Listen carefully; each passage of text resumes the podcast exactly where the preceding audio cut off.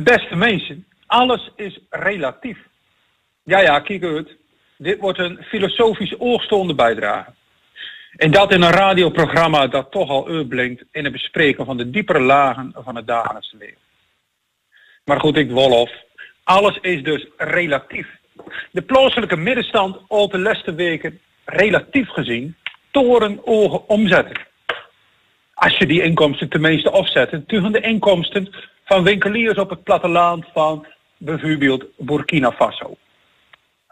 Ondertussen verdient onze geliefde koning bijna niks.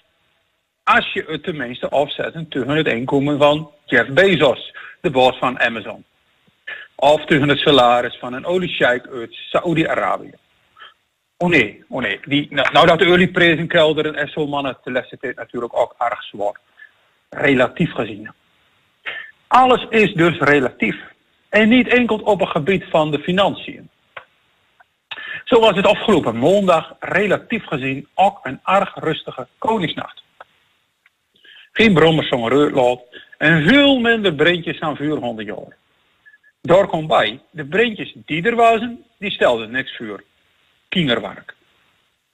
De politie zei het ook. Het was relatief gezien een rustige nacht. Op Koningsdag, de dag na de nacht, liep ik over de Lange Dam. En daar sting een man bij zijn verkoolde coniferenhaag. Ik keek mij een beetje verdrietig aan en hij zei... Waarom moeten ze nou krek mijn coniferen in de fik steken? Ik denk, die kerel moet ik echt even de waarheid zeggen. Want ik had net begrepen dat het dus relatief gezien zo lekker rustig geweest was die. Ik zeg, man waar het nou over? Kijk even om je heen. Al je reuten zitten er nog in. Je bloempotten stonden gewoon in de tuin.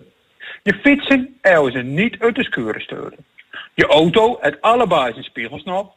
Je vrouw is niet in een kanger gesloegen. Je dochters binnen niet ontvoerd. En zelf el je nul blauwe ogen. De man kijkt me aan alsof ik hem sting uit te schelp. Hij denkt dreigend de stap naar voren. Maar ik voelde dat ik duur moest gaan in het algemene belang. Ik zeg, en dan hebben we het enkel nog maar uit over je eigen situatie. Want de skut van je buren, die staat er ook nog zo goed als nooit. Wat zeg ik?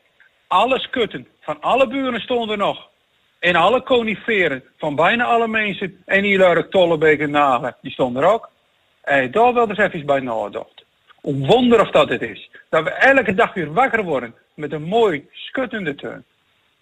En dan stond je hier nou een beetje een week te doen over een paar verbrande coniferen. Ik vind het zwaar onder de maat, beste man. Het valt me echt van je toe. In plaats dat je nou bleden bent voor de rest van Urk, voor de gemeenschap, voor onze lieve gemeente, besef je wel dat het deze Koningsnacht nog geen grasprietje verdelgd is op de rotonde op de akkers. Nee, want je had er nog niet de muur te nemen om er even te kijken, hè.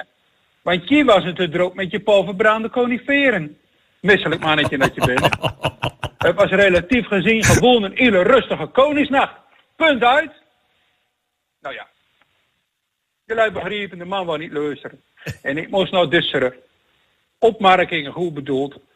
Moest ik relatief gezien vrij snel duurlopen om geen pak voor mijn wezen te krijgen.